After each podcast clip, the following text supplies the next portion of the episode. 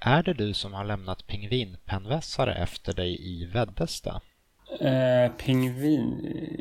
Alltså, det, jag har, det kan jag verkligen ha gjort. Jag har... Eh, jag kommer inte ihåg det, men jag har haft en studio där. Ja, precis. Vi var där i den studion 2014 och spelade in en EP med eh, mitt band. Och på något vänster så har jag fått höra typ legender om att eh, du var inblandad i studion på något sätt. Och att det var pingviner där på något sätt också. Ja, men absolut. För jag hade... Jag, jag hade mm, jag målade en pingvin mycket på den tiden. Det finns en pingvin ritad på gipsskivorna bakom. Nu är det ju säkert rivet för de håller på att riva Veddesta. Ja, studion är jämnad med marken dessvärre. Ja, så, äh, men äh, då, då, kanske de har kommit fram igen, de där gipsskivorna. men när vi byggde det så ritade jag en, en pingvin på gipsskivan bakom väggen vi byggde. Varför pingviner? Jag vet inte. Det är något av det första jag målade som var science fiction. Liksom. Att det var en pingvin som var i fel miljö. um, um, typ ja, när jag var tonåring liksom.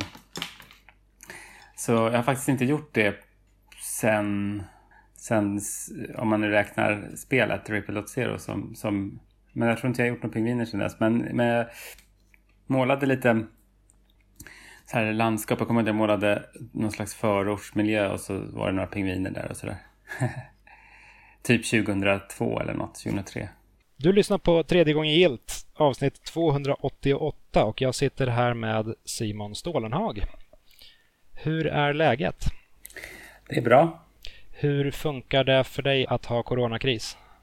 Uh, det är väldigt bra. ja, det är samma liv som jag hade innan. Jag är socialt distanserad normalt sett också. Sen, sen årtionden tillbaka? Ja. Nej men jag började hyra en liksom skrivarstuga kan man väl säga. Redan för snart tio år sedan, 2011. Mm. Så då liksom isolerade jag mig själv avsiktligt. Um, och sen så har jag, nu har vi och min fru flyttat, flyttat ut i ett stort hus på landet. Så att vi kan till och med isolera oss från varandra i huset. Mm. Så att det är verkligen äh, äh, ingen större skillnad för mig. Men min fru har ju jobbat en del under våren inne i stan. Så hon har ju varit med runt. Varit, hon har varit sån här samhällsbärare. Mm. Tagit hand om ungdomar med funktionsvariation och så. Så att eh, hon, hon har verkligen jobbat när många varit hemma liksom. Um, men nu så är vi hemma båda två. Mm. samma här. Jag och min fru jobbar i alla fall vissa veckodagar hemifrån båda två. Vi har dragit mm. oss till varsin ända av lägenheten. Mm. Jag sitter i köket, jag sitter längst in i kontoret och så möts vi i hallen då och då och tar en kaffe. Ja, det är ganska trevligt. är det inte det? Jo, men faktiskt. Mm. Man ser varandra lite mer än vad man brukade göra. Ja, och man kan Ja, men jag tycker att det... Vi hade ju vi har haft så litet innan. Vi hade typ en liten lägenhet och sen de här stugorna jag hyrde innan var ju pyttesmå. Så att det var ju väldigt... Um, när man skulle vara tillsammans så var man ju väldigt... Det var ju väldigt trångt liksom. Så det är skönt att ha åtminstone varsitt rum. Mm. Vad eh, jobbar du med just nu? Är det labyrinten? Nej, den är liksom inlämnad till förlaget mer eller mindre.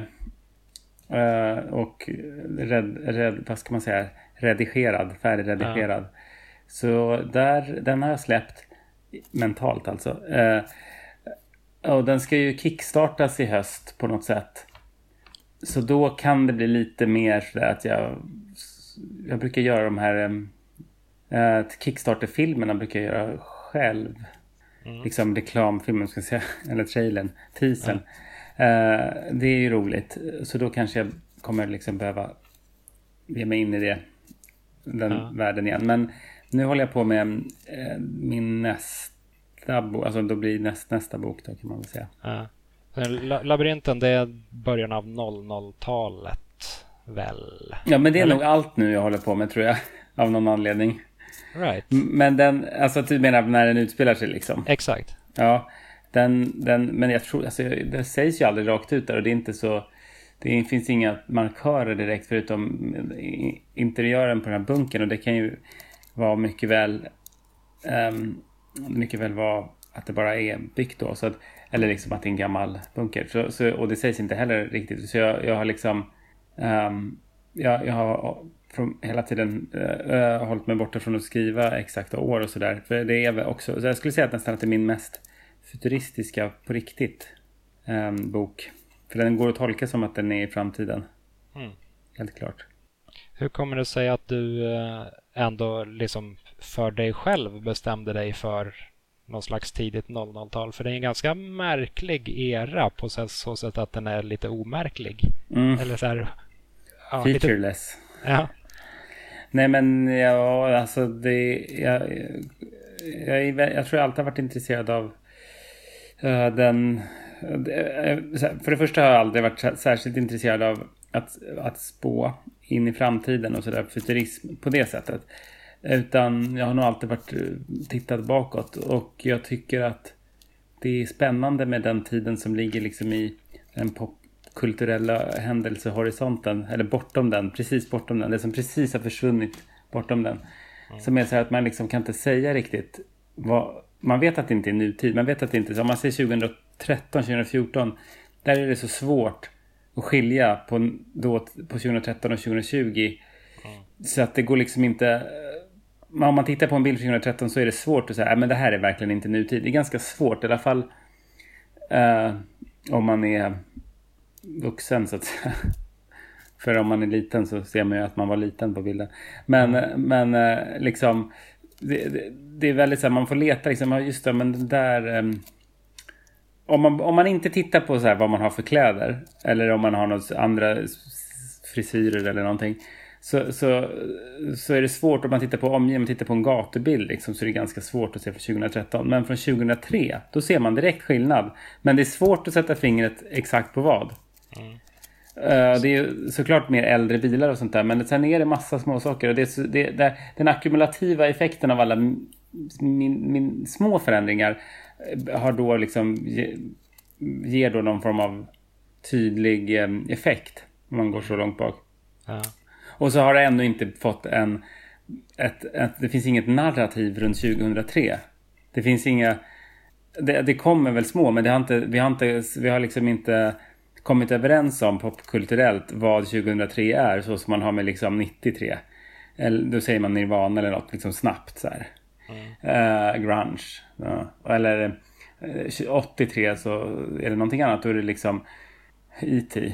Då är det det som alla pratar om 80-talet. Och sen så är det också förvrängs det ju längre. Alltså, nu är ju 80-talet någonting som nästan är uppfunnet på 2010-talet. Mm. Uh, det är inte riktigt samma 80-tal.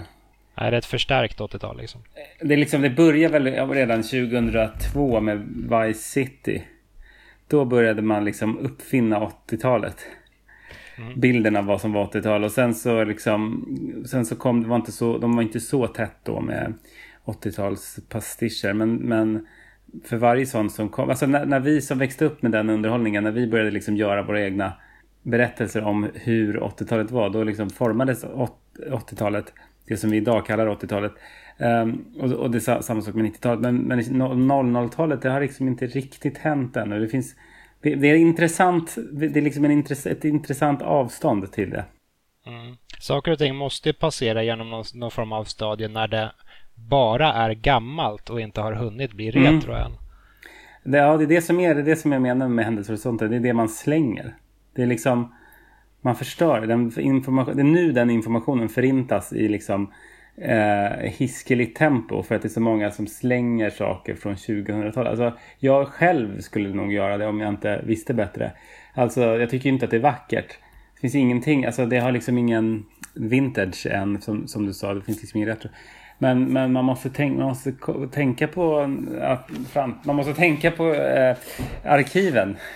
Så att man liksom plötsligt så Ja, men liksom på något sätt så tycker jag att det är, jag blir lite så här besatt av oförstörd information. Det, så på så vis kan det ju bli, jag har ju liksom tenderar ju att bli lite av en hoarder. Mm. Som, som att jag har, liksom nu har jag tagit fram alla mina gamla hårddiskar från den tiden och verkligen är så här, det här är helt otroligt. Alltså jag behandlar det som om det vore någon gammal så här Rosetta-sten. Fast det är från typ 2006. Ja. Ja, men det, det är så, alltså allting som, eller i alla fall det mesta som producerades runt ja, tidigt 00-tal eh, mm.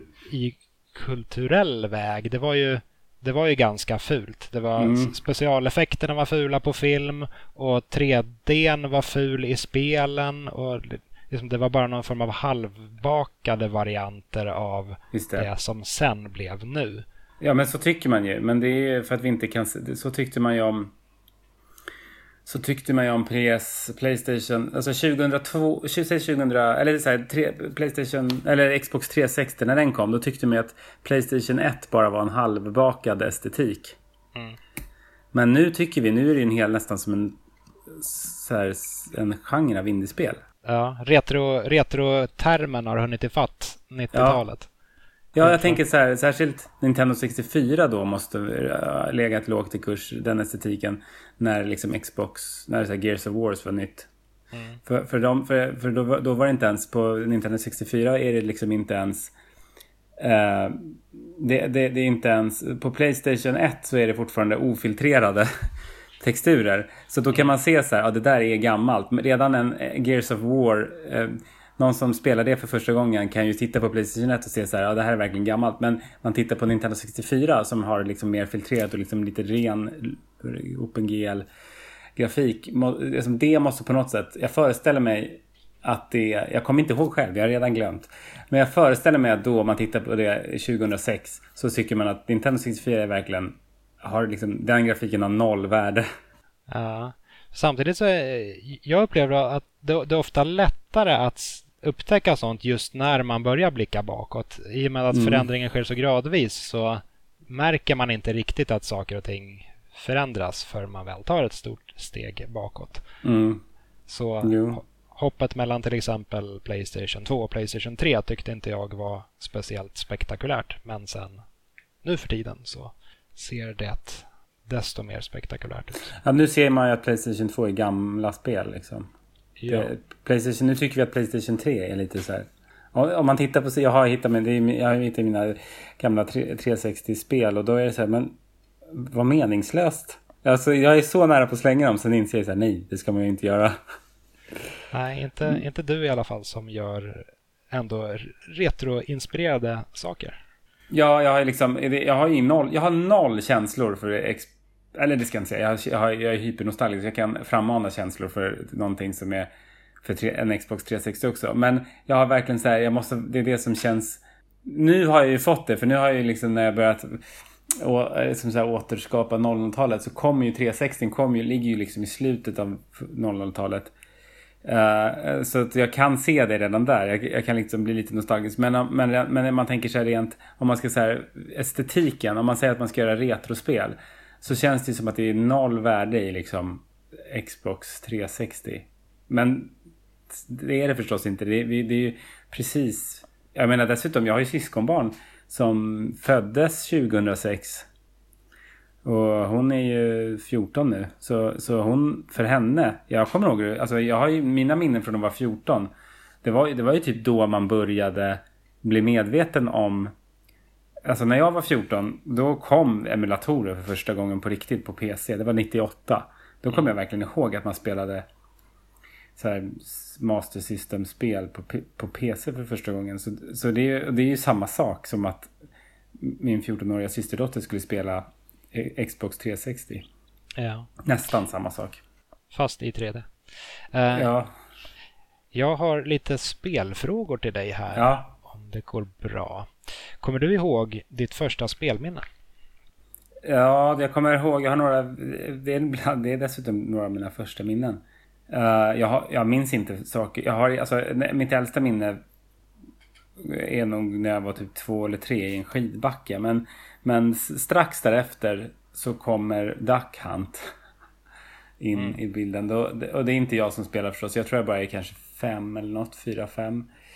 Och det är i en stor kusins källarrum. Så är det en tv och ett dackhant på som folk spelar. Och de här ljuspistolen tror jag gjorde något slags intryck. Um, och sen är det inte långt därefter, jag tror det var sju.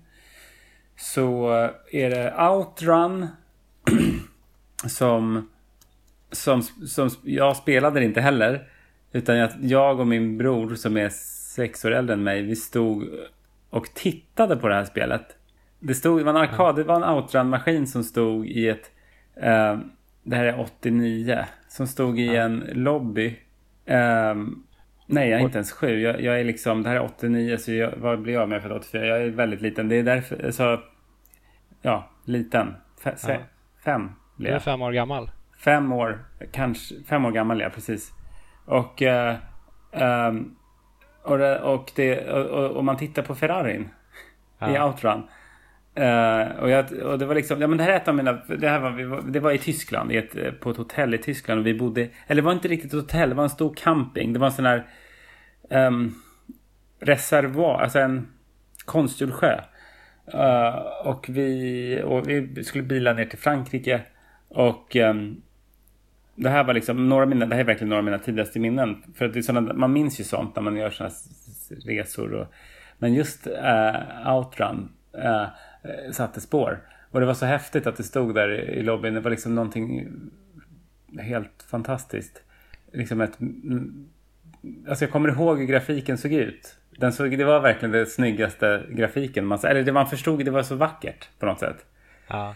Uh, den här, ja. Det har ju en stilkänsla också. Första gången, det var fortfarande 80-talet, första gången man såg. För det har, det har ju verkligen, Outrun är ju verkligen en egen, har ju blivit som en symbol för 80-talet. Och ja. uh, det 80-tal jag levde i då var liksom motsatsen till det som var på skärmen. Då var vi liksom i, vi var inte, det var inte Östtyskland men det var ju Östtyskland låg ju nära, det fanns ju då. Det var ju fortfarande, det var Västtyskland. Och eh, eh, det var verkligen så här grått och vi åkte, ja men grått och regnigt och det var regnigt. Eh, det, det, var regnigt och det var, låg en död fisk, där är mitt andra minne från det stället. Det låg en död fisk på här, promenadgången som gick runt den här konstgjorda sjön. Eh, så att eh, 1989 såg ut så i min värld och så på den här arkadmaskinen så stod Outrun då från 87 eller vad det är. Ja. Två. Så det var ju ett nytt spel. Relativt nytt spel. Och liksom det, det som det försöker fånga är väl någon slags Kalifornien um, stämning liksom. Ja, okay. uh, och uh, det var verkligen, jag tror att också min, jag, jag, hade också någon slags fascination för USA. Jag tror att det hängde ihop med de där grejerna. Um, och jag minns första gången jag gick på Venice Beach i Kalifornien eller i Los Angeles. Att, jag, att det kändes så här, jaha det är här de uppfann 80-talet. För det är fortfarande, bortsett från liksom mode så är det samma, det är de färgerna liksom. Det är verkligen outrun. Mm. Så, så, ja. ja det, det, är en märklig känsla att, att bara att komma till, eh, till USA för första gången och eh, se allt det där som man har sett på film fast i verkligheten. Bara, Oj, den här grejen ser ut som viadukten i Terminator 2. Shit, nu befinner jag mig i en film. Jag besökte ju den. Jag var ju tvungen. Mm. Det där vid um, Havenhurst Avenue. Bull Creek ja. heter den. Om jag inte minns fel. Det är vansinnigt häftigt. Ja, det var liksom... Det, jag, första gången jag var i Los Angeles så gjorde, gjorde jag verkligen... Jag åkte till IT-huset också. Ja. Uh, jag, jag åkte dock aldrig till John Connors hus. Det finns ju rätt uh, oförändrat kvar. Men... Um, jag gick också på Sunset Boulevard. Där, Sunset Boulevard är ju extremt lång och går genom olika, genom en del mindre smickrande kvarter så att säga. Och där ligger ja. också den här Army Surplus Store som, i Falling Down som, som Michael Douglas karaktär går in i och träffar den där nazisten. Mm. Och den såg, likadan, den såg exakt likadan ut. Det var verkligen en sån. Det var inte en det var en riktig location och den såg likadan ut som i filmen och det var 20 år efter de spelade in den. Så i, jag, jag, kan tycka ibland att i Los Angeles så, ses, så är det mindre föränderligt än vad det är i Stockholm. Det, liksom, det finns allting. I Stockholm så känns det som att Slussen liksom, man spränger bort hela skiten och gör om allt. Eller så får det vara Gamla stan. Det finns liksom inget mittemellan. Det är svårt att hitta så här eh, Jeppes mobiler från liksom, som ser likadan ut som 93. Sånt finns inte. Men det Nej, finns i Los Angeles. Ja, och det är ganska sunkigt på många sätt och vis. Ja, i Los Angeles. Ja. Ja, jo, absolut. Det är, det, men det är det som är... Rikedomen är inte uppåt, den är neråt. Alltså om man säger så här, rikedomen av variation finns inte liksom uppåt. Utan den finns... Jo, det är klart, det finns ju så här en värld av super... För, för superrika. Men den ser man ju inte. Men man ser verkligen att det är så här stra, olika strata av liksom sociala skikt neråt som är så många fler än vad det är i, i Sverige. För här är det liksom medelklass eller, eller eh, parkbänksalkis och, och inte så mycket däremellan. Men i Los Angeles är det liksom Näst, vi, de har också medelklass sen parkbänksalkis, sen tusen mer skikt under parkbänksalkis. Ja, det finns nästan ingen botten. Nej, exakt. Uh, så det kan vi vara glada för. Uh, um, vi i resten av världen, höll jag på att säga, men med ett socialt skyddsnät. Ja, vad peppigt det blev här. Mm. Vilket är ditt bästa spelminne? Från det ena till det andra. Ja, eh, ditt bästa spelminne. Det är så många. Det är svårt att säga, man måste liksom gå, åter liksom gå in på en era. Det är lätt att säga någonting från när man var liten. Men jo, men jag borde nästan säga det för att då hade jag någon slags förmåga att, att sjunka in i spelen som jag inte, som försvann liksom när man blev vuxen. Men, men eh, jag ska säga när jag Alltså ett väldigt bra minne. Alltså, jag, jag har ett väldigt tydligt minne och det är eh, från Daytona USA. Mm. Som jag spelade, jag var kanske 13, 12, 13, 13. Och... Eh, Å, återigen arkadracing alltså? Ja, samma, är det samma team som gjorde Outrun? Ja, det är ju Sega i alla fall. Ja. Men det är att jag är osäker på exakt vilka nyckelpersoner det var. Ja, men okej, okay, jag har två minnen. Det är dels arkadversionen och dess konsolversionen. Men arkadversionen spelade jag 95 på väg till Öland på ett McDonalds någonstans med en kompis. Och det är också så här, och ett satt sig fast exakt, då var jag ju 11 bara. Och så här, hur, liksom så här, hur, det blev så kopplat med den här McDonalds som pommes frites-lukten. Och um, arkad, men det är så extremt jag tycker nästan att det var så... Det, alltså, det var ja, nästan mest magi alltså i den tid, runt där 95, 96. För då, det var extremt stor skillnad på arkadspel och konsolspel. Uh, och det var, så, ja. det var sån extrem magi på, i, i arkadmaskinerna. Att man såg liksom, det var så här 60 FPS med typ, jag vet inte vilken upplösning de körde, men den var ju, det var ju hög, rätt högupplöst. Och um, liksom, ja men det var så här, kändes som att ja, men det var ju typ fem år före spelen, konsolspelen. Ja, och sen när, när Playstation och Saturn kom så blev det ett argument bara att så här, nu kan du spela arkadspelen i hemmet. Mm. Vilken grej! Och så var det ja. ändå inte arkad perfekt. Nej, men man kunde men bara den typ. grejen. Just det, för det var det som var så stort att det, att det var, att det, arkad, det var liksom... Och det kommer jag ihåg, så på Gröna Lund hade de ju arkadhallar där. Och det var också så här, det var verkligen, det var lite som, de påminde mer om, spelen på arkadhallen påminde mer om de andra liksom åkattraktionerna än vad de påminde om konsolspel. Det var liksom något unikt, special, platsbyggt. Det hade en extremt platsbyggd, unik känsla. Ja, visst. Uh, och, de, de, och det, det, går ju tillbaka, det är bara att jag kanske inte upplevde det för jag var för liten på 80-talet. Men jag har kollat liksom senare så här på, på kollat in hur de här Ja men Afterburner är väl mest kända men det finns ju andra värre spel om man säger så där de utnyttjar den här sprite-scalingen till, till de, vad, det finns ett så space shooter som är... Space Harrier. Är det det? Är det det jag tänker på? Är det verkligen Space Harrier? Det kanske, det kanske är... Uh, jag ska kolla, jag har soundtracket. Um, ska, vänta. Snack, snackar vi fortfarande Sega? Det är Sega. Det är... Det är Ja, men det är typ den. Men det finns... Space Harrier, det känns som att Space Harrier är äldre. När kom det? Det var väl i samma veva där ungefär. Alltså Space Harrier, Outrun, Afterburner och eh, ett fjärde spel som jag inte kommer ihåg namnet på. För det här är typ 89. Det är liksom ett, ja. det är liksom ett av de senare sprite scaling-spelen. Och det var... De byggde liksom upp hela så här... Man, man åker typ in i en planet. Och sen eh, åker man liksom i grottor inuti planeten och allt är uppbyggt av sprites. Det finns liksom inga polygoner men det ser ut som det för att det är så mycket sprites. Det är liksom, det är löjligt. Och det, det liksom så, sättet de gjorde det var bara så här att bygga, stoppa in fler kort i arkadmaskinen. Ja. Så, så de var ju verkligen på så vis eh, platsbyggda kan man väl likna det med. Men liksom att de är special, datorn är liksom specialbyggd för det spelet. Och det ser helt galet ut. Det ser fortfarande galet ut. Det ser, ut som så här, det ser helt unikt ut. För att man använder så konstig teknik. Och, eh, men att man inte har begränsat sig. Liksom, ja, men vi ska bygga en... en det, liksom, vi ska göra den här, vi ska göra ett lav, lavahav av sprites. Liksom. Ja, men då måste vi ha så många eh, liksom, processorer som, för att göra det. Så bygger man det. Så det är helt, det är alltså, de kostar ju 5 kronor per gång man spelar. Så de måste ju, de hade på något sätt så fick, alltså det blir ju mycket pengar när man kan tänka sig att de drog in ganska mycket pengar. De måste ju gjort det för att bygga de där. Det är, det är en konstig ekonomi. Hur liksom hur gick det runt? För det känns som att det är svindyrt att bygga en sån. Men samtidigt så är det ju som eh, nästan som eh, gam, vad heter det, slottmaskiner där man liksom spenderar mycket, mycket pengar på. Så att det vore kul att ja, se siffror det... liksom på det där. Ja, det går ju historier om att till exempel Space Invaders ställdes ut i en arkadhall och eh, slutade fungera för att det var för mycket mynt som pressades in i själva arkadmaskinen.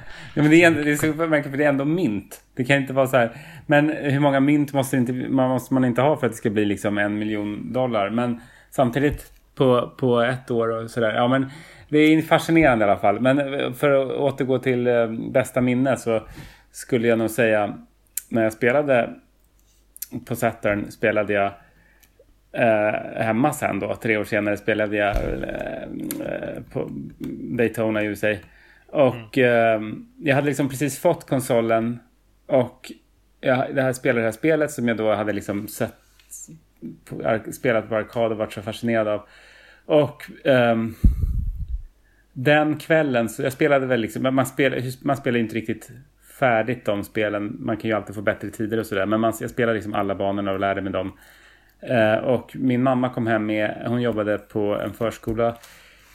Eh, då som, där de hade, den dagen hade de haft någon så här bananpaj. Så hon kom hem med resterna till mig. Så jag åt liksom, och det låg i en sån här Big Pack plastburk. Så åt jag liksom all den här bananpajen och bara spelade. Och jag fick spela hur mycket som helst. Men det var så här, det, det är verkligen ett extremt, och så var det så här tryggt. Jag bodde fortfarande, jag var ju bara 13, men jag, och jag bodde hemma med mamma. Det var bara jag och mamma. För då hade mina syskon liksom flyttat hemifrån. Så det var något så här, jag fick all uppmärksamhet. Jag fick all bananpaj. Och jag, jag hade det här, för första gången hade jag verkligen en ny konsol. Det var min konsol. För att tidigare hade vi haft uh, ett Sega Master System när jag var mindre. Som min brorsa hade köpt. Och, uh, och det var liksom nästan gammalt redan när han köpte den. Men men eh, det var liksom det vi hade. Och, och, då sen när jag satt och spelade det här nya Sega 3D liksom. Det var mitt och det var någonting så här. Det var så fant det var, ja, men det var den största, st första stora spelupplevelsen. Riktigt stora liksom när det var bara på något sätt. För, för det, sen spelade jag ju nog mycket på, det, på samma sätt. Att jag spelade, och det gör man ju nu, liksom att man sitter själv hemma och spelar för innan kanske det var så att man hade väldigt roligt. Jag kommer ihåg att vi spelade Micro Machines och sådär. Då var vi liksom... Jag spelade med, mina, med min storebrorsa och liksom lite kompisar. Mm. Och så var det en kul, men det var ju mer som en social aktivitet. Uh, det var liksom inte ett minne av att vara i spelet. Det var ett minne av att vi kompisar spelade ett spel. Uh, mm. Men, men, sen, men, liksom, men från och med jag skulle säga från och med mitt första, liksom, jag hade ett Mega Drive där också emellan. Och det var också ett spel, en konsol som jag liksom hade helt själv från och med den så hade, började jag liksom ha privata spelupplevelser. Som, man, som verkligen så spelminnen liksom. Att man verkligen satt själv. Också på, på min pappas PC satt jag och spelade Doom. Det skulle jag också säga rankar högt. Uh, för det var så himla så här, uppslukande. Det var liksom bara jag och inne i den här virtuella världen liksom. Men det är ganska mycket Sega-konsoler överlag. Master System och Mega Drive ja, och Saturn. Ja, sen, men ingen Dreamcast. Nej, men där någonstans började jag spela... Jag tror att det var alltså Sonic the Hedgehog-spelen som var, lockade mig. Sen så i 2D liksom. Jag var fast i dem. Jag älskade dem. Och så Sen så slutade det, sen kom ju de här Sonic Adventures och då var jag lite äldre och sen hade jag PCn kommit och jag började liksom jobba med, bygga med, här, bygga egen dator, hela den grejen och demoscenen och som sitta, ja men typ jobba på PCn. Blev liksom ett större intresse, göra musik och så här. Uh, och då, då, då blev det det som blev liksom... Det, jag tror inte det var... Jag, tror, jag hade ingen konsol för en Playstation 2 sen. Uh, och liksom 2000, som jag köpte ganska sent i cykeln. Den kom väl... Alltså den cykeln var ju ganska kort va? Den var väl bara 6, 5, 6... Nej, Ja, eller? det beror på hur man räknar på det i och för sig. Alltså, den, den, var, den tillverkades under en lång period. Ja, just det. Eh, men sen... Men innan, om man säger innan nästa, innan Play, Playstation, alltså när Playstation 3 kom väl inte så långt efter, Playstation 2 kom väl 2000? Ja. Uh, och sen 3 kom typ 2007? 2006 tror jag. Ja. Och, så, ja. Men uh, jag vet inte hur det är nu. Alltså man har ingen, tiden byter ju karaktär när man blir äldre. Men, men jag, jag köpte den Playstation 2 2003. Ja. Och sen så bara några år senare fick jag en 360. Så jag hade den inte så länge. Jag, hade, jag spelade... Koll, vad hade, fanns det där? Jag spelade lite Metal Gear. Vad hette det som kom? Det stora till Playstation 2? Uh, eh, Metal Gear Solid 2 och 3 kom ju.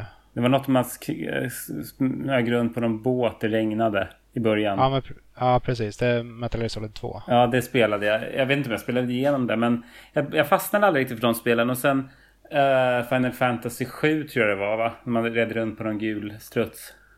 Uh, ja, Final Fantasy 10. 10. Eller, ja, den, den gula strutsen är ju alltid med. Okej, okay, men det var så här fotboll i någon konstig så här, space. Ja, under, undervattens någon... ja. fotboll i alla riktningar. Ja, det är Final mm. Fantasy 10.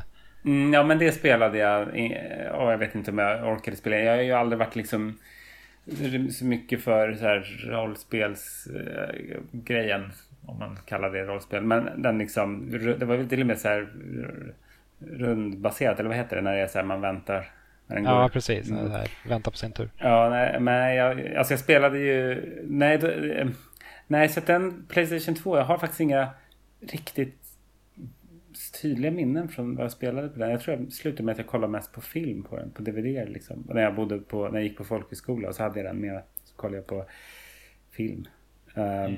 Men, nej, för då hade jag också PC samtidigt där och då spelade jag jättemycket Unreal 2003. 2004 kom där också. Mm. Um, så jag, jag, blev verkligen en, PC, en PC-spelare. Uh, ehm, och jag tror inte jag, jag, jag tror inte jag, alltså jag har ju haft PS4 sådär nu flera år och, och, jag tycker ju det är trevligt. Men jag är alltså förstörd av PCn. Jag, jag, jag, jag, tycker mycket mer om att spela på PC. Jag har en, skaffat en PC nu lite som för att spela på.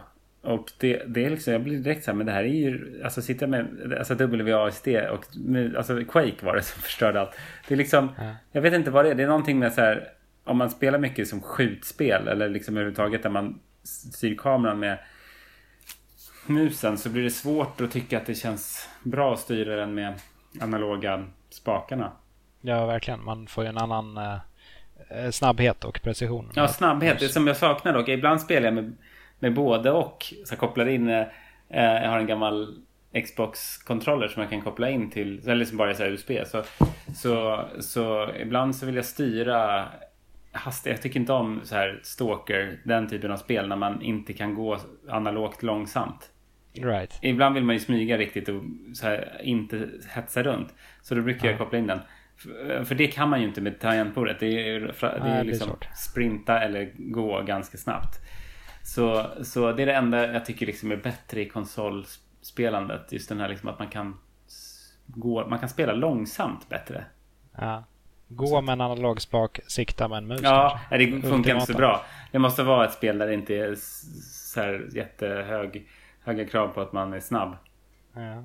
Vilket spel har du lagt ner mest tid på, tror du? Half-Life 2. Ah. Skulle jag nog säga. Jag, jag, jag spelar... Jo, det, skulle, det, har liksom, det spelar jag. Det är sånt. Det och Sonic och Knuckles. De spelar jag igenom så här. Och Doom, absolut Doom. Jag spelade de tre spelen. Sonic Knuckles då med Sonic 3 inräknat. Men de spelar jag liksom igenom med jämna mellanrum. Så att de spelar jag säkert, ja, inte varje år. Alltså jag spelar dem ju väldigt ofta. Säkert att jag sitter, jag spelar säkert, alla de spelen spelar jag säkert flera timmar om året. Men jag spelar nog igenom dem kanske var tredje år. Mm. Så spelar jag liksom igenom hela spelet. Jag uppskattar verkligen att du säger just Sonic och Knuckles och inte säger till exempel Sonic 1 eller Sonic 2 utan att det är just det, det lite udda spelet i den här eh, kvartetten av Mega Drive-spel. Jag, jag, jag gillar detta. Ja, men jag, jag, jag, gillar också Sonic och Knuckles. Ja, men det är ju förfinande. Det, det, alltså, jag har en kompis som också en, som jag faktiskt var med idag när jag skulle, när jag blev sen. Han är ju programmerare och ja, vi, började, vi, vi spelade det tillsammans när vi var små.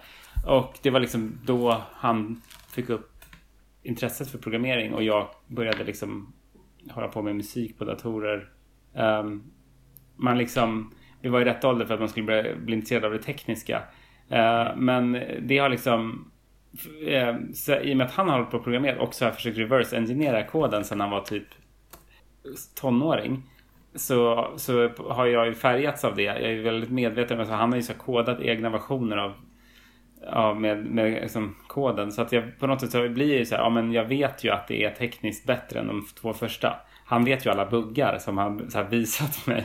Som de så här, ja, dessutom har han alla versioner av Sonic Knuckles. Eftersom att Sonic 3 var meningen vara båda två spelen. Ja, det har gått så långt. Och så splittrade de upp det och så släppte de Sonic Knuckles sex månader senare. Så finns det så här, har läckt på olika sätt en massa kod från Alltså koden för det som Sonic Knuckles som är i Sonic 3 är liksom beta-versionen. Så att man kan liksom se så här, det finns massa saker som har förändrats. Även i Level Design, om man bara spelar Sonic 3 då är det vissa så saker som är svårare. Det märkte jag nu senast jag spelade till exempel i, i uh, början på Hydro City, den här, den här uh, vattenbanan. Ja. Eh, så är det, är det akt två så är det liksom en sån här vägg, som mosvägg som följer den från vänster. Det är hemskt. Ja, det är hemskt. Man dog alltid där. I Sonic 3 dog man alltid där. För att man, man springer och, tror, och ska hinna ner för en liksom, tunnel så här. Samtidigt som den där kommer och mosar den. Och om man inte tittar noga så springer man in i en studsbräda och skjuts tillbaka mot mosväggen och ja. förlorar jättemycket tid och dör antagligen. Men i Sonic Knuckles är den studsbrädan utbytt mot ett extra liv. Som bara står där mitt i ens väg. Helt uppenbart en sån här de fick mer tid till att testa på folk.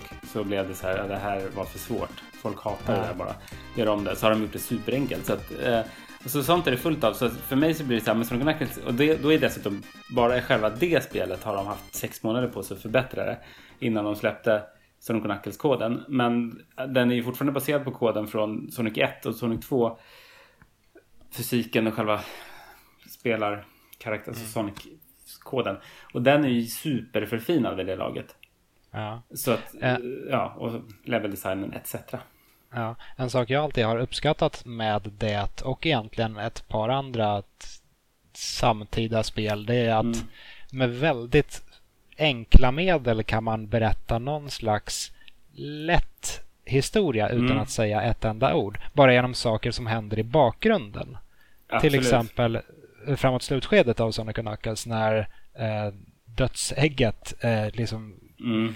väller upp där eh, genom molnen. Och det är hur pampigt som helst. Ja. Men liksom rent tekniskt sett så det är inte många pixlar som används för det där. Det är så här en handfull i en liten boll. Ja. Men det blir ändå en riktigt, riktigt grym scen av det. Ja, den är och vi ska inte tala om när eh, man ser dödsägget i Lava Reef när det sticker ner i vulkanens öppning. Ja. Som jag, den definitivt influerat mig när det gäller att ha stora saker i bakgrunden. Ja. För att det, man kommer närmre den, alltså det här med liksom landmärket liksom, så man kommer närmre. För när man kommer i andra akten är det lite större och sen i, i eh, Hidden Palace där, eh, då är det ju, tar det upp hela, det är den största grafik, grafiken liksom i, som de verkligen tar upp hela skärmen, om inte mer. Så, har de liksom, så man scrollar ju liksom och så ser man det här dödsägget. Uh, och de stora ögonen liksom som blixtrar till och som tar allt eld. Det är så extremt mycket mm. så environmental storytelling i det. Mm. Uh, på, det är inte jättelitet. Det är ju typ 8 megabyte om man slår ihop båda spelen eller något. Det är därför de fick ha det på två kassetter. Uh, men om man jämför med idag när jag satt och laddade hem Modern Warfare på 200 gigabyte. Mm. så får de ju med en lika episk story. Det är ja, bara att den är mindre, det är mindre definition. Men i definitionen som man får i Modern Warfare så får vi också mindre, det blir som en bok kontra en film. Du får ju se en extremt definierad tydlig tolkning av det. Vi ser ju till och med skådespelaren som spelar. Nu är det ju liksom skådespelaren man heter Barry Sloan eller vad han heter som spelar Price. Det är ju liksom på gott och ont. Jag tycker ju det är jättebra men det är som att kolla på en film. Mm. Men i, på, på 8 megabyte då måste man lämna saker till fantasin och, och göra saker. Eller så här, man måste välja en art style som, som kan berätta mycket på 8 megabyte. Alltså det, det, därför är det så här hela den här Miyazaki liksom estetiken passar ju väldigt bra i de spelen för att det är mycket så här enfärgade fält, mycket parallax-scrollande bakgrunder etc. Men det, liksom, det lämnar mycket. Uh, det skulle kännas, en, det skulle kännas, kan tänka mig att många skulle ha svårt att se uh, Totoro som så här CG med för simulation. Nej, det... det känns fel. Ja. Och Fast samtidigt, samtidigt man, man tyckte att det skulle kännas fel inför den här Pokémon-filmen, Detective Pikachu också. Ja. Och det blev ju ändå ganska ja. mysigt på något eh, bisarrt och, och Sonic the Hedgehog för inte, fick ett helt oväntat val. Jag, det var typ så här, jag såg eh, jag såg, det, det, alltså, man, det, det, det, känns ju som att inte ha, om man pratar om Sonic Knuckles, det är i och för sig lite där i början när man ser de här hans värld så känns det lite som att det är en ganska... Det är ju en, han Jesse Hess heter han va, som har gjort redesignen av allt som blev så hatat i första trailern. Men mm. den där Sonic-världen som man liksom, han kommer ifrån. Den ser ju väl, den ser lite Sonic och Knuckles. Jag tänkte på det så här, det finns som så här, att, att det är de där som, som eh, jagar honom och skjuter, som skjuter hans ugglemamma. Den designen ser ju väldigt mycket ut som så Hidden Palace och den här eh, Ancient Civilization som finns i Sonic Knuckles. Det känns ju som att det är små Knuckles som jagar honom. Nästan. Mm. Uh, Men sen så blir det ju allt, sen så blir det ju verkligen inte, sen så blir det en amerikansk uh, liksom road movie. Men jag tyckte typ att Sonic, vad heter den? Den heter Sonic the Hedgehog va? The Movie. Ja. Sonic, det, det var typ så här en av de bästa filmer jag sett i år. Ja, det... Hur många har du sett i år? En. Nej, men jag har sett... Eh, jag, det var någon annan film som jag såg och var så här, fuck it, Sonic var bättre. Och det var typ någon jävla svår film som inte... Som inte var så bra som den själv trodde. Nej, men det, Svåra filmer är inte det man behöver i år direkt. Nej, man behöver eh, Jim Carrey som roboting. Det var liksom superbra. Jag blev så, här, jag blev så glad för att att, men det som är bra med de där filmerna, jag har inte sett Pikachu men jag misstänker att det är lite samma grej. Att det, är så här, det går inte att vara pretentiös med ett sånt IP. Så, så man, det blir liksom bra. Det blir, eller så blir det jättedåligt. Men det blir liksom... Och liksom så här, du ska, det, någon ska, om du ska vara, vad heter han som spelar den här polisen, liksom att han ska skådespela mot en blå igelkott. Liksom. Det är så löjligt att det blir bra på något sätt. Så att det, det, jag tyckte verkligen att det var så här, den, så här, en av de bästa filmupplevelserna jag haft i år. Jag såg den med min fru och jag tänkte så här, hon har inte ens spelat. Hon spelade lite Sonic 2. Men hon har inga speciellt varma känslor från barndomen. Men hon tyckte också att den var en jättebra film. Vi pratar ofta om det. Ja, ja men det, det är härligt. Eh, vilket var det första spelet du köpte för egna pengar? Intressant. Det, alltså jag vet att jag sparade ihop till ett Mega Drive begagnat som jag köpte på, höll på att säga Blocket. Men då köpte man ju från i så här, köp och sälj på DN hade vi. Ja. Så fanns det en avdelning som hette typ dator och spel eller något så här. Och där var det någon som sålde ett Mega Drive för 600 kronor inklusive typ Jungle Strike eller något. Det, ja, och det var mina pengar, liksom sparade veckopengar. Det, det minns jag. Um, men nytt spel, uh, ja. Det var ju Saturn-spel, men, men, uh, men det, var, det var någonstans där i liksom tonåren. Men jag vill ju säga ett spel. Um, och jag, jag, jag säger um, Daytona USA då. För att det ingick i, det, köpte, det kom nytt. Sen så tror inte jag att jag hade råd att köpa. Jag tror jag bara köpte begagnade spel. Ah, men då ingick en bananpaj också? Ja, tänk om det borde gjort det i alla. Så här bandlat med mammas bananpaj. Vilken är din eh, favoritkonsol genom alla tider? Jag måste säga Mega Drive. Jag har ju sån, dessutom har jag ju så, jag har hållit på med musiken, alltså i, i FM-syntesen. I IM2612 och hela den hårdvaran är ju så här, alltså det har jag hållit på med, jag har inte hållit på med, det låter som att jag suttit och meckat isär men jag har ju verkligen försökt emulera det så här i, eh, på PC jättemycket och byggt så här, hållit på med FM-syntes bara för att jag älskar det soundet. Mm. Uh, vassa soundet. Det vassa. Och uh, um, så det måste jag nog säga är min favoritkonsol. Mm. Vad spelar du just nu? Jag spelade just i typ förrgår spelade jag färdigt Modern Warfare-kampanjen. Uh, och sen har jag spelat Far Cry New Dawn. Ja. Och har börjat spela om Stalker. Och ja. uh, lite andra sådana här 00-talsspel. Det är lite sent 00-tal men jag blev... Um, jag, jag hittade, på Tradera köpte jag typ alla PC-gamer från 2000 till 2001. 2002. Ja men så här en bunt. Och kollat igenom så här för att komma ihåg vad det var för spel då. På PC. Ja. För jag spelade jättemycket PC då. Och så blev vi liksom påminda om en massa roliga som Return to Castle Wolfenstein hette det va? Just ja. Överraskande bra. Överraskande bra ja. Och sen um, ett spel som heter Insane. Men jag har inte uh, spelat så mycket. Men jag hittade det på goodoldgames.com. Insane, det är ett, ett uh, spel från 2000 tror jag det är. Ett uh, offroad-spel med superhärlig bilfysik. Men, det är nästan, det är inte flat-shadat men det är typ, det är väldigt simpel grafik. För det är så stora öppna miljöer så det är väldigt de stora, då började det komma så stora, inte open world, men liksom öppna sandboxiga banor liksom. Med mycket fog, så man såg ju aldrig hela banan. Men, men, men man började liksom så att du kan utforska banan liksom icke-linjärt. Och de där tidiga spelen var ju så, samma, alltså, um, Battlefield, första Battlefield ser ju ut så nu om man tittar. Man tyckte inte det då, men de är ju extremt så här, det är extremt uh, simpelt eh, texturerat. Och det, finns någon, det, det börjar bli en estetik helt enkelt. Och det här Insane är liksom ett bilspel med fys bra fysik. För ofta är det det som... Grafiken är en grej. Men fys fysiken är oftast... Mm.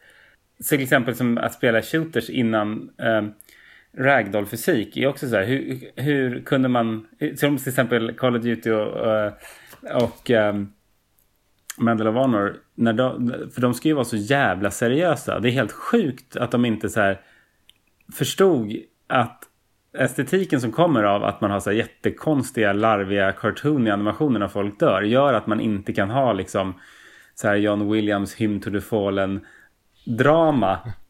I, mm. liksom, det går inte ihop när man tittar. Bara för Nej. att det ser så jävla dumt ut när man skjuter ihjäl folk eller när man blir, folk blir så här, dina kamrater ligger så här, blir skjutna till höger och vänster. Ja, det ser ut som att det är typ så här, alltså Roadrunner. Alltså det ser extremt cartoon ut bara på grund av att de inte har riktig fysik i saker och ting. Ja. Samtidigt så har jag för mig att jag upplevde det som en, som en jävla uppenbarelse första gången jag såg Ragdoll i ett spel. Jag tror mm. att det var, det kan ha varit Unreal 2 som var mitt Just första det. möte. Med det har jag, håller jag också på att spela om. Men den är ju väldigt märklig för det är ju, det, den motorn misstänker jag är Unreal Tournament 2003 var första som kom med den nya.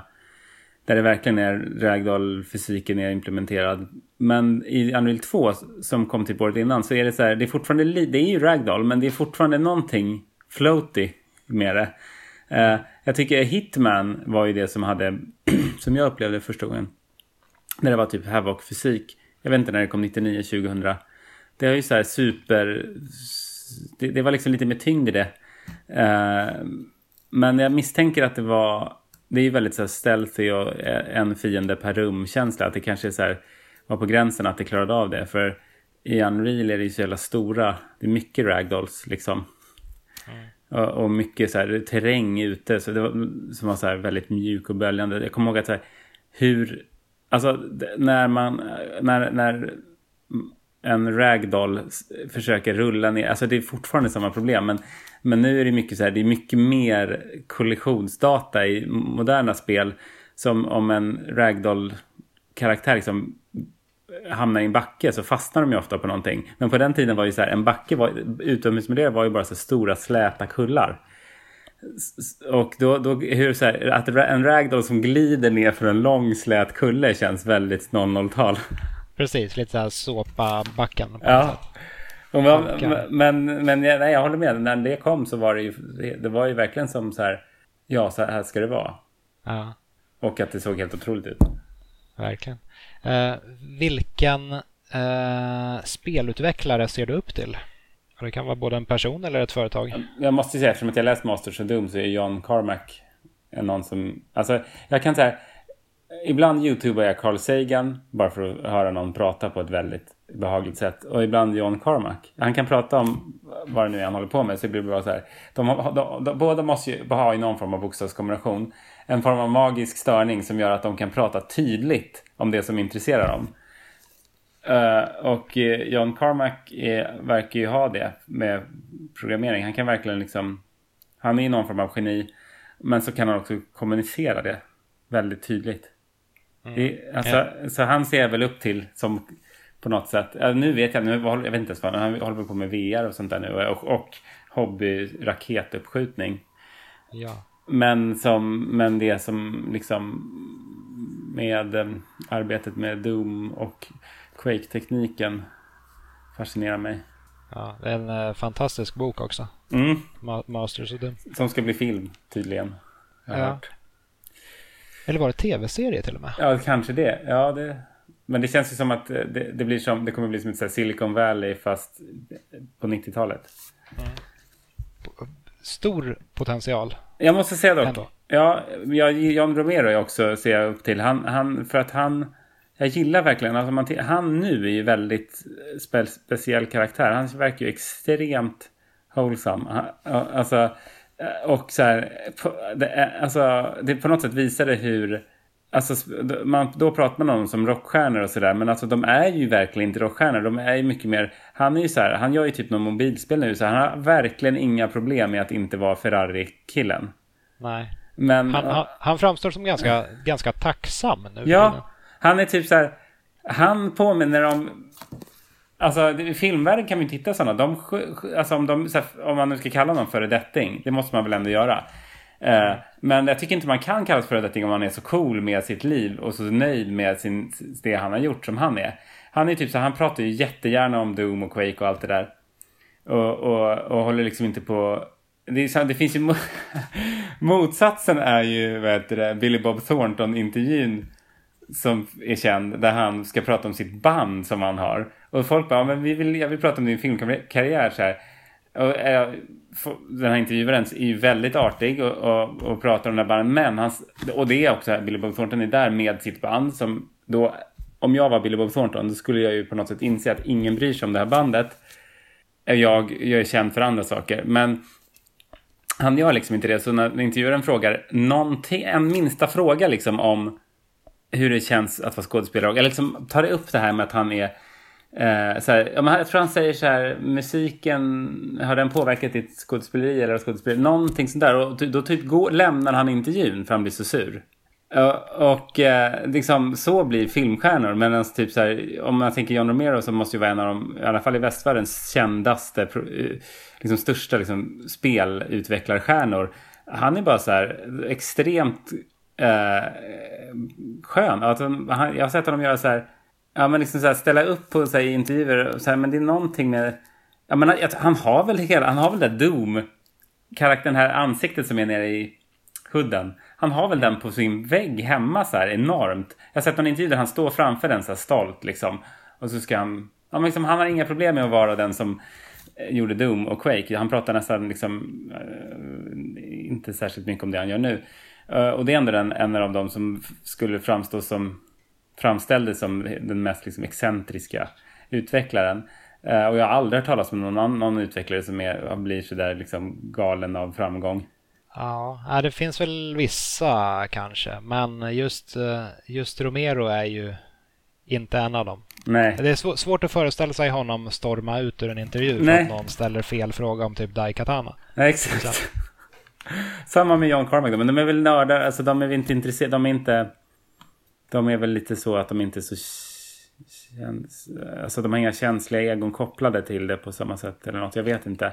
Men det finns väl, ja, det kanske finns, alltså jag vill bara inte riktigt... Jag vet att det finns så här osköna människor i spelbranschen, det finns ju gott om, men jag har kanske inte så bra koll. Ja. Um, du är ju uh, utbildad eh, inom spel. Vilket spel önskar du att du hade gjort själv? Hmm. Ja, det är väl typ Doom. Något som är sådär... Uh, milstolpe? En milstolpe. Ja, men liksom tekniskt och estetiskt. Uh, en väldigt perfekt liksom blandning. Eller ja, men det beror på. Man kan säga så här, jag skulle önska att jag var med i ett sånt sammanhang där man vet att man har ny teknik som ingen har sett och att man är en liten grupp som kan jobba fritt. Där liksom artisterna och eh, har ägandeskap kring grafiken och så vidare. Mm. Att det inte är triple A stort. Eh, men samtidigt så, så här, vilket, om man tänk, bara tittar på spel som jag tycker är väldigt bra så jag önskar att jag gjort det så där så, så uh, jag vet faktiskt inte. Jag, jag, jag... Om vi säger så här istället då. Om du fick göra en ny del i en existerande spelserie. Vad skulle du då välja och framförallt vad skulle du göra med den? Bra fråga. Jag, jag skulle vilja göra uh, Jag skulle vilja såklart göra någon mer Half-Life. För att det känns som att det, det är att jag förstår stämningen på något sätt. Men det är svårt för de är så jävla bra designade. Jag är väldigt mycket för bara stämning och eh, så här environmental storytelling. Och mm. eh, Half-Life 2 liksom och Half-Life är mycket stämning och environmental storytelling eller liksom storytelling. Men det är superbra game design som är, som är liksom dold eh, och level design. Som, och det känner jag att jag är inte så bra på. Så jag vet inte hur bra jag skulle... Alltså det, om, jag, om jag skulle sätta ihop ett team så skulle jag försöka hitta folk som kan göra riktigt roliga spel. Först och främst. Och sen för att göra saker stämningsfullt. Det är liksom en... Och, och liksom känslomässigt. Det är liksom någonting man klär på ytan på spel. Till skillnad från film. Där det måste liksom... De är som, film gör man ju liksom... Kärnan är känslomässig. En karaktärsresa liksom. Det är det som är manuset. Sen, mm. sen klär man det i yta. För att göra det liksom... Så, om man tänker, det brukar ju Quentin Tarantino säga att han skriver sitt manus. Och då vill han så här, det ska funka som att läsa. Det ska funka att göra på med en iPhone-kamera och det ska funka att göra med 70 mm liksom biofilm så som uh, Hateful Eight till exempel. Liksom han, jag tror det var det han sa om så här, att det, det, liksom, det är viktigt att manuset känns som att han nästan ska kunna vara nöjd med att bara stoppa in det i bokhyllan. Så här, nu har jag gjort, skrivit det här i verket. Eh, och, och, men spel är ju liksom på något sätt det känslomässiga, det som man jobbar så mycket med film med. Det är liksom kläs på ytan på spel och det tycker jag, det tycker jag är rätt. Jag tycker att folk hänger upp sig, särskilt om man försöker skriva um, prata om spel som konst eller någonting. Så liksom att det är, men det är så... Spel är ju interaktiv underhållning. Och man glömmer lätt Alltså eh, hur svårt det är. Alltså det, att, att om, om det inte är kul, om inte liksom det här eh, spelet med bara gråa boxar. Om det är tråkigt, då spelar det ingen roll vad man har för berättelse eller för, för cutscenes eller för liksom tematik. Det finns liksom inte. Eh, man kan liksom inte börja där. Man kan inte säga så här, jag ska göra ett spel om att förlora någon. Alltså det, så, så kanske det finns folk som jobbar, men man kan liksom inte, och sen så hitta en mekanik. Men alltså det är ändå... Mekaniken är, är själva skelettet. Ja, det, måste, är precis. Det är det hjärtat i spelet, att mekaniken funkar. Och sen så är det väl sådana här då som kan göra liksom lite både och. Ja. Alltså som kan få det, alltså om slutprodukten känns som att de hänger ihop så bra. Så att det känns som att man inte vet vad som kom först. Då är det ju, då är det ju Ja, men det är ju väldigt ovanligt. Men, men de, de, i de flesta fall så är det ju inte... I de flesta fall är det ju spelmekaniken som gör ett spel dåligt, ingenting annat. Mm. Så uh, ja, och det, och det tror jag också att jag kanske förstod när jag höll på med spel att det, att det, uh, att det är extremt svårt. Och eh, och göra det. Helt enkelt. Vad eh, spelar du tillsammans med dina vänner? Eh, ingenting. Jag är väldigt icke, jag är väldigt single player. Så, ja. jag, jag spelade faktiskt jättelänge sedan jag spelade någonting. Micro Machines senast? Ja, typ. Nej, men vi spelade, jag spelade Quake med mina vänner senast. Liksom på riktigt, man verkligen satt och skrek. det var nog Quake. Vilket spel är ditt Guilty Pleasure? Uh, det beror på. Jag skulle nog säga, en, vad heter det, NG Beam heter det va? Drive, NG Drive, Beam. Vad heter det? Det här Drive. Jag vet inte, det har ett så dåligt namn så man kommer inte ihåg. Det här som är fysik, eh, open, inte open source men vad heter det, open access, eh, early, vad heter det? Early access heter det kanske på Steam. Access, ja, ja, som man kör runt och bara krockar bilar. Det är ju å andra sidan fantastiskt. Ja, ja men liksom, jag kan ju bara, jag har ju spelat så här, ett av de spel nu på senaste året som jag har spelat längst session. Annars brukar jag, jag brukar bara åka spela så här en halvtimme, en timme. Sen känner jag så här, jag måste göra någonting det, annat. Men jag satt i typ så här fem timmar i sträck och bara så placerade ut bilar och körde in i dem med en buss med raketmotor. Mm. Det, om och om igen. Fysi fysik i spel är ju bland det bästa som finns. Ja, det är på något sätt kärnan i Ludos som vi fick lära oss på speldesign att vi har någon sån här Ludos-lek. Vi har ja. det som kattungar gör liksom när de leker. Att man, att man äh, leken är ju på något sätt att testa äh, verkligheten. Särskilt om man tittar på en katt som vi precis har skaffat. Så ser man att de gör ju liksom jakt. De gör allt det som de utsätts för under en, en skarpt läge. Fast in, under kontrollerade former. Och då är ju just så här, fysiksimulering är ju extremt viktigt mm. för oss. Uh, alltså att, det är självklart att vi tycker det är kul. Om vi inte tyckte det var kul skulle vi inte lära oss uh, och bli liksom alltså, är, man glömmer ju det i vårt samhälle där man inte behöver kunna så mycket om fysiksimulering när man går till affären. Men om man som, som biologisk livsform så ska vi kunna jaga och sådär.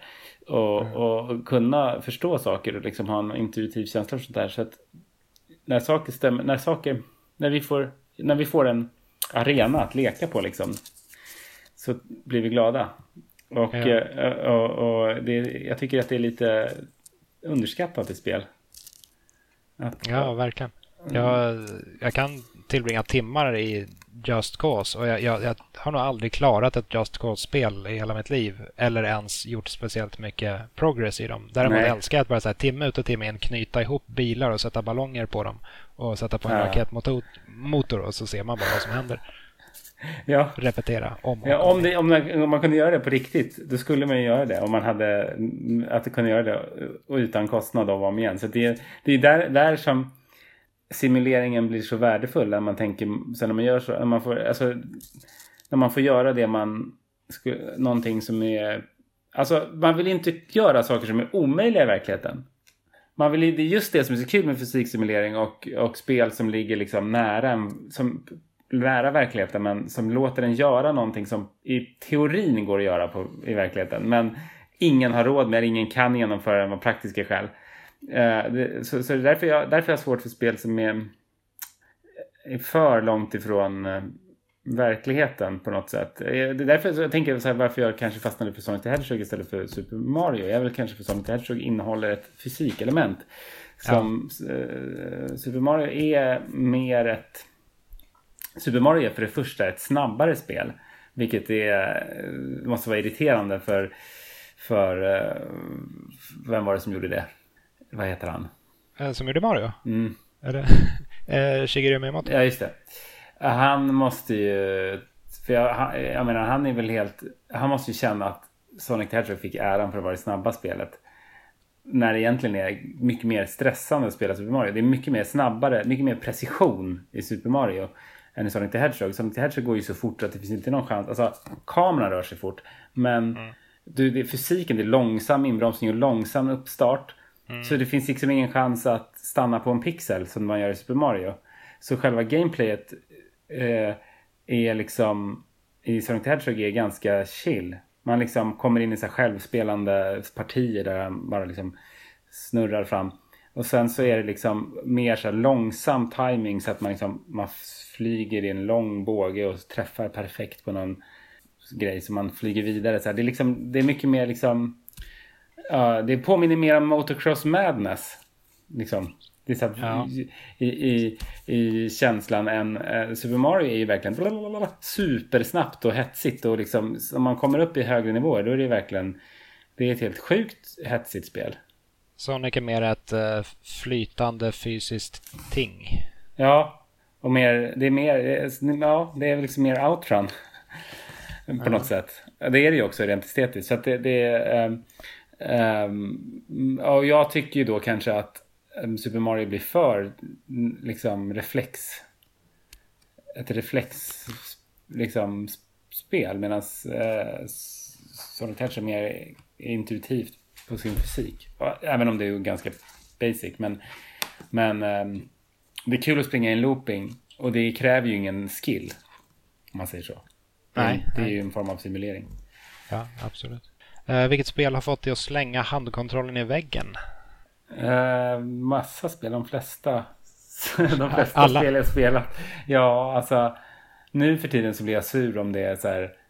Eh, eh, senaste gången det hände nu var i Modern Warfare när man ska leda någon gisslan vid en jävla kamera ut ur någon slags hostage situation. Och då är det så här, plötsligt byts gameplayet och så är det plötsligt jättesvårt för man inte fattar. Det är så här oklart. Men det är så lätt att skylla på spelet nu för tiden.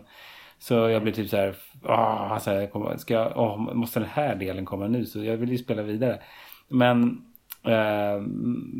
så då blir man liksom arg på spelet. Men jag, för jag, jag misstänker att du menar att man slänger handkontrollen i golvet. Det är liksom när man slår sig på knät som jag gjorde.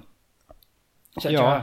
För att man, är, alltså, man tycker att man själv är dålig, inte spelet. Det är det som är målet med game design om den ska vara utmanande. Det är ju inte det att skulden, spelaren ska lägga skulden på sig själv. För då kommer förhoppningsvis... Men det är en hårfin linje ofta. Ja, men det är liksom, det är ju extremt, om man blir om det är uppenbart att det är spelet som buggar ur, då är det ju liksom, det är inte spelglädje när man kommer över det. Då är det bara så, att tur att jag lyckades twitcha mig förbi den där buggen. Mm. Så jag skulle säga um, Ja men typ uh, Något sånt här racingspel um, där, där det känns Jag, jag spelar Wipeout faktiskt på Sony VR Där mm. känner jag lite att man blir sur på sig själv Det är väldigt svårt att och, och hetsigt. Men det känns som att någonstans tänker jag hela tiden så här. Jag är, de som är bra på det här, de kan det här. Att det liksom är jag som är dålig. Mm, I alla fall nu för tiden. För, första Wipeout-spelen kändes ganska orättvisa. Okej, okay, ja. Nu är de lite mer strömlinjeformade. Ja, men för jag inte spelade dem inte då. Jag spelade den billiga klonen High Octane. Ja. Till, till Saturn. Och det var ju lättare.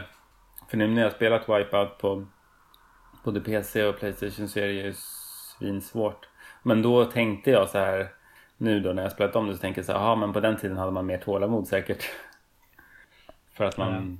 ja, men det, så, ja, nej men de, de äh, racingspel överhuvudtaget brukar jag vara ganska bra på att lägga skulden på mig själv och inte på spelet. Jag brukar känna att det alltid är så här, ja men det här är skill som jag inte har.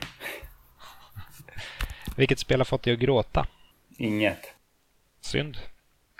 Nej men jag, jag har svårt för, alltså jag tycker inte att man Alltså det beror på, nej alltså det, det beror på om du menar liksom verkligen sådana tårar man får när man ser en film som man tycker når fram.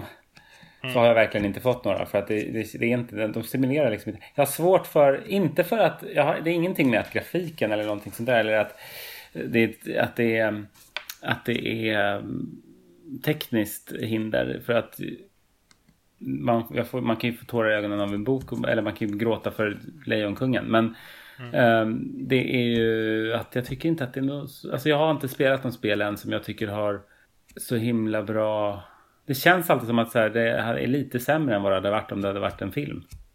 Mm. Att hela den delen av det blir lite... Vissa saker kommer ju nära. Men de känns fortfarande som att det inte är hela vägen som om det hade varit om det hade varit en film. Om till exempel Last of Us. Då känns det som att ja, men om jag hade hört exakt den här dialogen och haft exakt de här cutscenesen fast i en film, så ha, hade det inte varit så jävla bra film. Den, ganska mm. bra, men det hade krävts någonting mer. Eh, och, och därför, därför, kan jag tycka sånt blir liksom... För det är ju inte... Det är ju, alltså, det, spelandet förstör ju också. Alltså först, alltså när man, när man, spe, man förstör ju den känslomässigt, när man själv sen spelar, först ser man en känslosam cutscene, sen ska man själv spela och dö tre gånger eh, på konstiga sätt eller bugga ur bakom någon konstig prop som inte funkar. Eh, och sen göra saker själv som karaktären kanske inte skulle gjort, alltså skjuta den där fienden åtta gånger i huvudet eller något bisarrt. Så bryter man ju ja, den.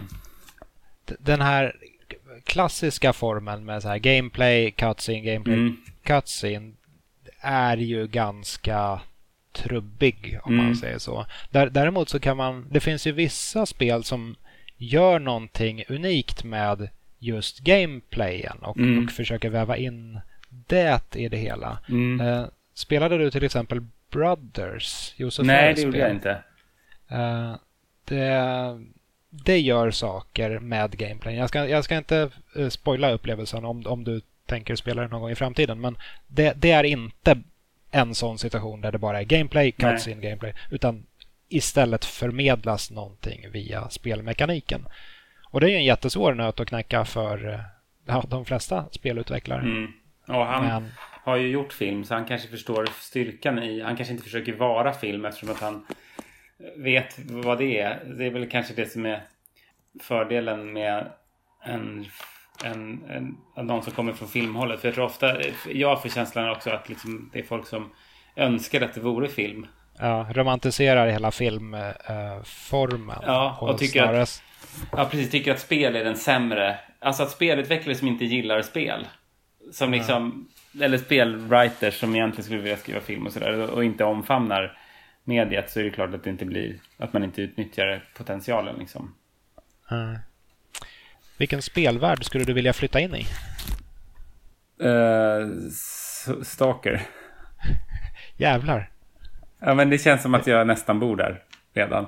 Men, alltså, men alltså den spelvärlden är ju väldigt... Alltså jag, jag skulle inte kanske ha, ha alla de här um, anomalierna liksom. Men, mm. men gamla, gamla Sovjet ruiner och lite förgiftad jord. Det... det... Precis, de, de lyssnare som inte har spelat Stalker det är alltså typ Chernobyl, uh, the game. Ja. Ish.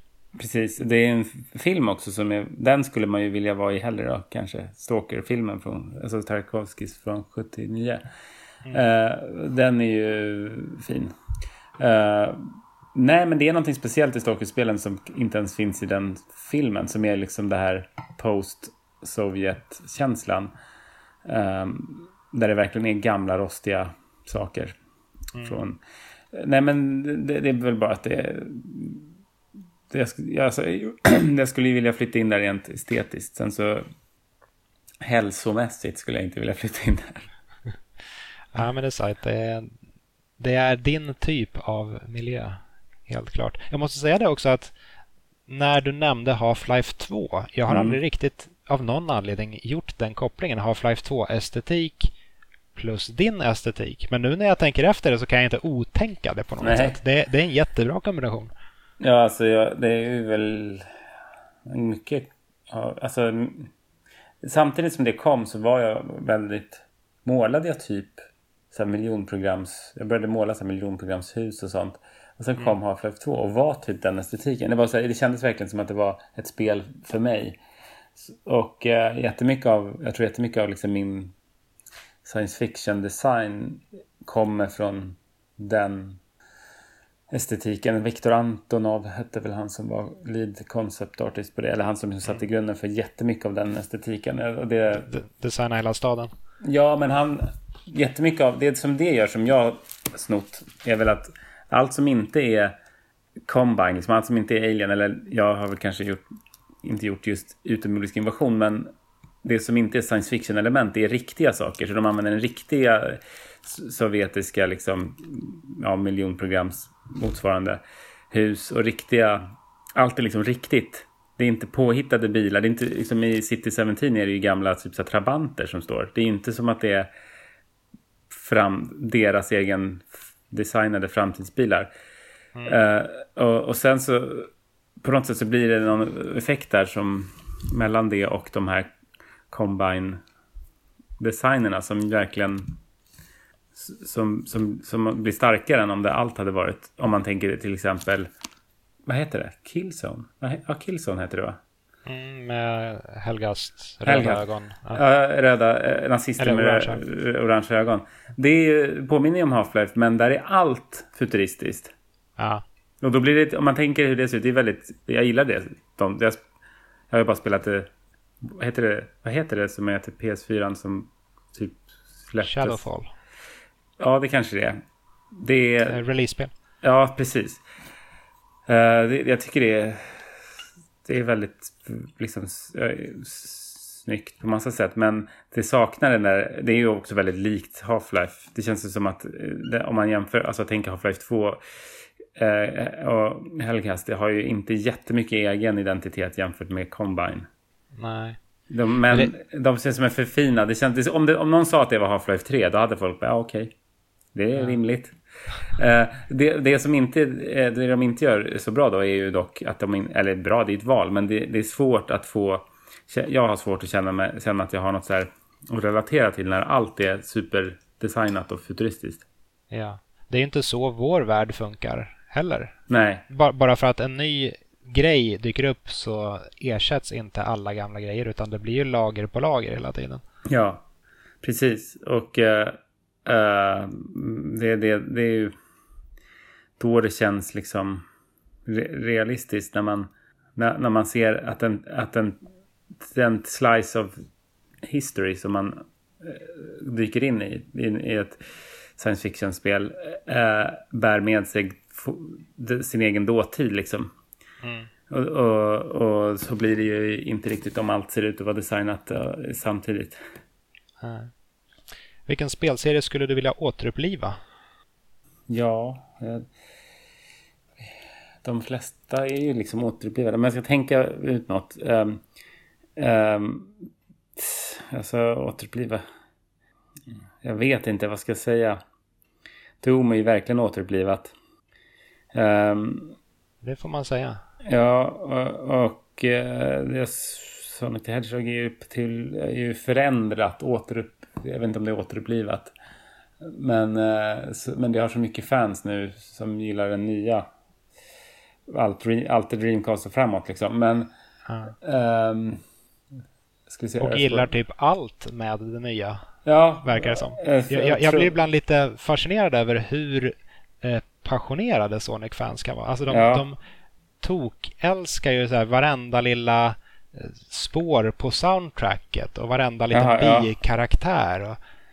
Shadow the Hedgehog. Allt där, jag förstår ju liksom inte det, men det är en helt annan, det är två helt olika målgrupper känns det som. De som alltså gamla och nya Sonic liksom. Ja. Men, men, ja, men alltså, det, jag vill ha ett bra svar för att det känns som att det finns, jag, jag vet, jag, det finns, jag har tänkt på det här. Um, Ofta är det ju någonting då från barndom eller ungdom som man tyckte väldigt mycket om och så. Ja, men alltså... Um, ja, jag vet. Uh, I, I, mitt fall är det F-Zero till exempel. Nintendo har inte gjort ett nyss Nej, okay. F-Zero sedan 2004 och jag uh, ja, men hatar då, dem för det. Okej, okay, men jag skulle säga Max Payne kan de är på dags, eller på tid, på tiden att man gör någonting med. Det var ju typ sju år sedan eller något. De gjorde trean, eller hur? Ja, och det var inte Ä ens Remedy utan det var ju Rockstar. Ja, men det tycker jag är ganska bra, deras spel. Ja. Men ja, det, är, eh, ja. det är inte samma, alltså två, jag tycker, jag tycker, jag vill se, okej okay, nu säger jag det här. Jag vill se Sam Lake i rollen som Max Payne igen. Mm. Eh, som han var i första. Digitalisera hans eh, citronbitar ansikte. Han ser ju likadan ut fortfarande. Han är ju närmare 50. Ja. Det, han är ju perfekt. Varför gör de inte det? Han går in och gör en avdankad Max Payne. Uh, han, de, det, det, är det de behöver göra. En, en medelålders. Precis det som de gör i Max Payne 3 då. Fast kanske gör det med honom och att Remedy gör det. Det, det vill jag se. Så man får se honom i bullet time. Så att det uh. Skulle de fortfarande ha det här platta fotograferade ansiktet från Max Payne 1 eller skulle man försöka 3D-skanna det tror du? Nej, men de ska, göra, de ska 3D-skanna honom i nuvarande form. Han är i god form för sin ålder. Väldigt god form. Han har ju, jag följer honom på Twitter. Ja. Han ser ju verkligen ut som han gjorde på ett sätt när han var, vad nu var, 20 eh, eller 30. Eh, men, men eh, lite mer rinkig liksom. Så det är bara att scanna in den snubben. Och han, då, han, har ju, och han har ju uppenbarligen... Alltså han skrev väl Control, gjorde han inte det? Jo. Så jag menar, han, kan ju, han har ju definitivt talangen fortfarande för att göra ett nytt Max Payne-spel. Det skulle vara uh, catering to the fans, om ja. något. Och eh, nu ska ju Control få ett DLC som på något sätt väver ihop Control med Alan Wake. De ska Aha. göra någon form av eh, Remedy-universum. Så det, det är väl tjoffa ja. in Max Payne mitt i smeten också. Mm. Alan Wake gillade jag ju. Det kan de också återuppliva. Men Max Payne är ju såklart um, favoriten. Det var någonting i Alan Wake som gjorde att jag tyckte det var inte... Jag, det var något svårt. Det var sånt där när jag inte slängde handkontrollen i golvet och blev sur på spelet faktiskt. Ja, ja men skräckiga spel kan... Ja. De har det, alltid den inbyggda risken att de, blir, eh, de kan bli väldigt frustrerande om det görs fel. Super Metroid kan de få återuppliva. Alltså, den, den, den, alltså de har gjort Metroid på, ja, vad heter det? GameCube va? Ja, precis. Metroid Prime 3D. Ja, jag vill se Super Metroid, Metroid som, ja, eller jag vet inte hur, men det kändes som att det var, man, eller det vill, jag har inte spelat de gamla Metroid på NES var det va, men, och det fanns det på Game Boy Advance också, men där det var verkligen ja. den här gigerska stämningen. Mm. Ja, den... ja, det är ju ett Prime 4 på gång, men det kommer okay. bli en annan grej. Det blir ju ett 3D-spel då. Ja, men det får gärna vara 3D, men att de... För jag, för mig, jag spelade aldrig det där på GameCube. Jag har faktiskt inte spelat... Jag spelade det på Super Nintendo spelade för bara några år sedan för första gången. Men min, mitt intryck av det jag såg från den GameCube-versionen var att det var mer ren science fiction. Alltså så här... Mer um, Star Trek än gigerskt. Mm. Jo, men det ligger nog någonting i det. Det är lite mer shiny på något sätt. Ja. Inte lika slemmigt. Nej, och det konstiga i... Det finns något konstigt i Super Metroid jämfört med... Eh, alltså både, både Super Metroid och Doom är ju två spel som kom samtidigt. Som har influerats av Alien. Men mm. Super Metroid är liksom så mycket mer gigerskt. Eh, på något sätt. Och lite knäppt. Det är lite så här... Det är någonting som är off. Det är lite David Lynch-igt. Det är liksom, man vet inte, är det meningen eller är det ett misstag eller är det meningen? Det är den känslan man har. Så här, varför är den här konstiga musiken så här? Så är det jätteobehaglig stämning. Liksom, det är lite som när man ser de här konstiga specialeffekterna i nya, nya Twin Peaks. När det är så här, plötsligt från att gå till att vara så här superpåkostade specialeffekter som ser skitbra ut till att det ser ut som att David Lynch har gjort, gjort dem själv i After Effects. Och det har han säkert. Och då tänker man att det här är ju meningen. Och så blir det genialt. Och så finns, den finns en viss sån känsla i Super Metroid att det är så här, att det är liksom konstigt. Någonting som skaver. Något som skaver ja. Och det är svårt att Uh, det, det, you either have it or you don't, så att säga. Ja, svårt att skapa medvetet. Ja. Om man inte vet vad man gör. Uh, vilken spelserie skulle du vilja lägga ner? Är vi nu på upploppet här. Alltså, ja, alla, alla de som de hela tiden. Ja, alltså det är svårt. Jag, det, jag tycker ju nästan inte om några spel som görs. Så att lägg ner allihopa. Alltså, du, spe, du, spelar ändå ganska mycket. Ja, men det, de flesta spelar ju... Jag tycker om simulering och single player. De ja. flesta spelar ju multiplayer och... Uh, ja, men de, ja, men så de behöver inte alls lägga ner dem. Det är jättebra att de görs. Men, men okej, okay, men då ska jag säga något som borde läggas ner jag vet inte. Jag tycker inte man ska lägga ner saker. det, det, är ett tråkigt svar men Modern Call of Duty kan de lägga ner. Det har de verkligen mjölkat nu. De stackars utvecklarna på Infinity War, de vill göra något annat än... Ja. än ja, men det är jättebra timing också i och med att du just är klar med Modern Warfare. Mm, nu kan de lägga ner det. Så, det var bra. Det fick sju av tio. avslut. Ja. Uh, om du fick ändra en sak i i, i ett av dina favoritspel, vad skulle du ändra på? Jag skulle ta bort äh, Alex Vans lilla glipa mellan tröjan och byxorna. skulle sätta på henne eh, högre byxor. Det känns det enda som känns så här, för det finns ju värre spel med mer sexism i än Half-Life 2. Det är verkligen ett som kommer väldigt kommer undan liksom med äran i behåll om man tittar tillbaka. Men glipan, det är verkligen en liten så här pubertal eh, detalj i hennes character design som, som, som lyser igenom. Det är det. det är så, de kunde inte låta bli det, motherfuckers. Och göra någon liten... Det, det är sant. Det är en mm. procent sexism i ett spel som lätt hade kunnat haft noll procent. Noll procent ja. Det är en procent. Det får ta bort den. Problem solved. För att hon i övrigt har hon ju inga, ingen cleavage. Mycket cleavage 2004 kan man om man tittar tillbaka. Det var i och för sig inte lika mycket som 2000.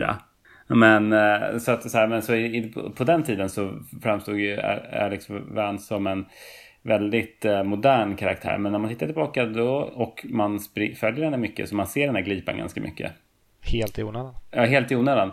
Om man jämför med de manliga karaktärerna i det spelet. För att inte tala om Morgan, eh, vad heter han? Morgan Freeman. Dr. Freeman, vad heter han? Pa pappa Vance. Nej, Freeman, alltså ja. jaget. Spe, ja, Gordon Freeman. Gordon Freeman. Han ser man inte alls. Och han har helt täckt. Till och med fingertopparna. I en eh, sån där hazard suit eller vad den heter.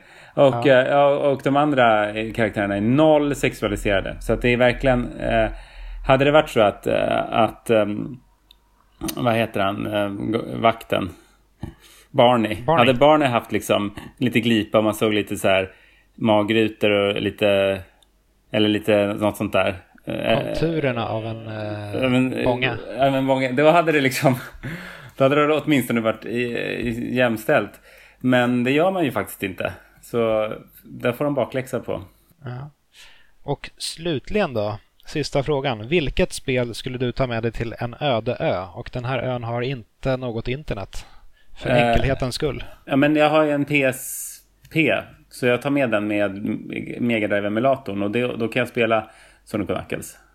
Men alltså jag skulle ju tröttna väldigt mycket på. Men jag, nej, det får bli det. Vissa spel tröttnar man aldrig på. Nej, man kan liksom alltid...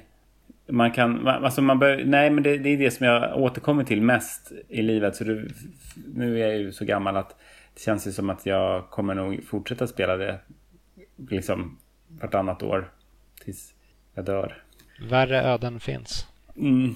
Då så, då har vi nått vägs ände här. Tack så mycket för att du ville vara med och snacka lite spel med mig ikväll. Ja, och tack för att du ville göra det senare än vad jag lovade. Ja, det är inga problem alls.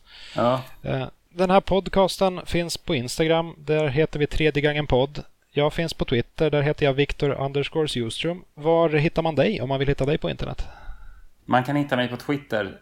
Uh, Simon Stålenhag. Det räcker att skriva i sökfältet tror jag så dyker jag upp.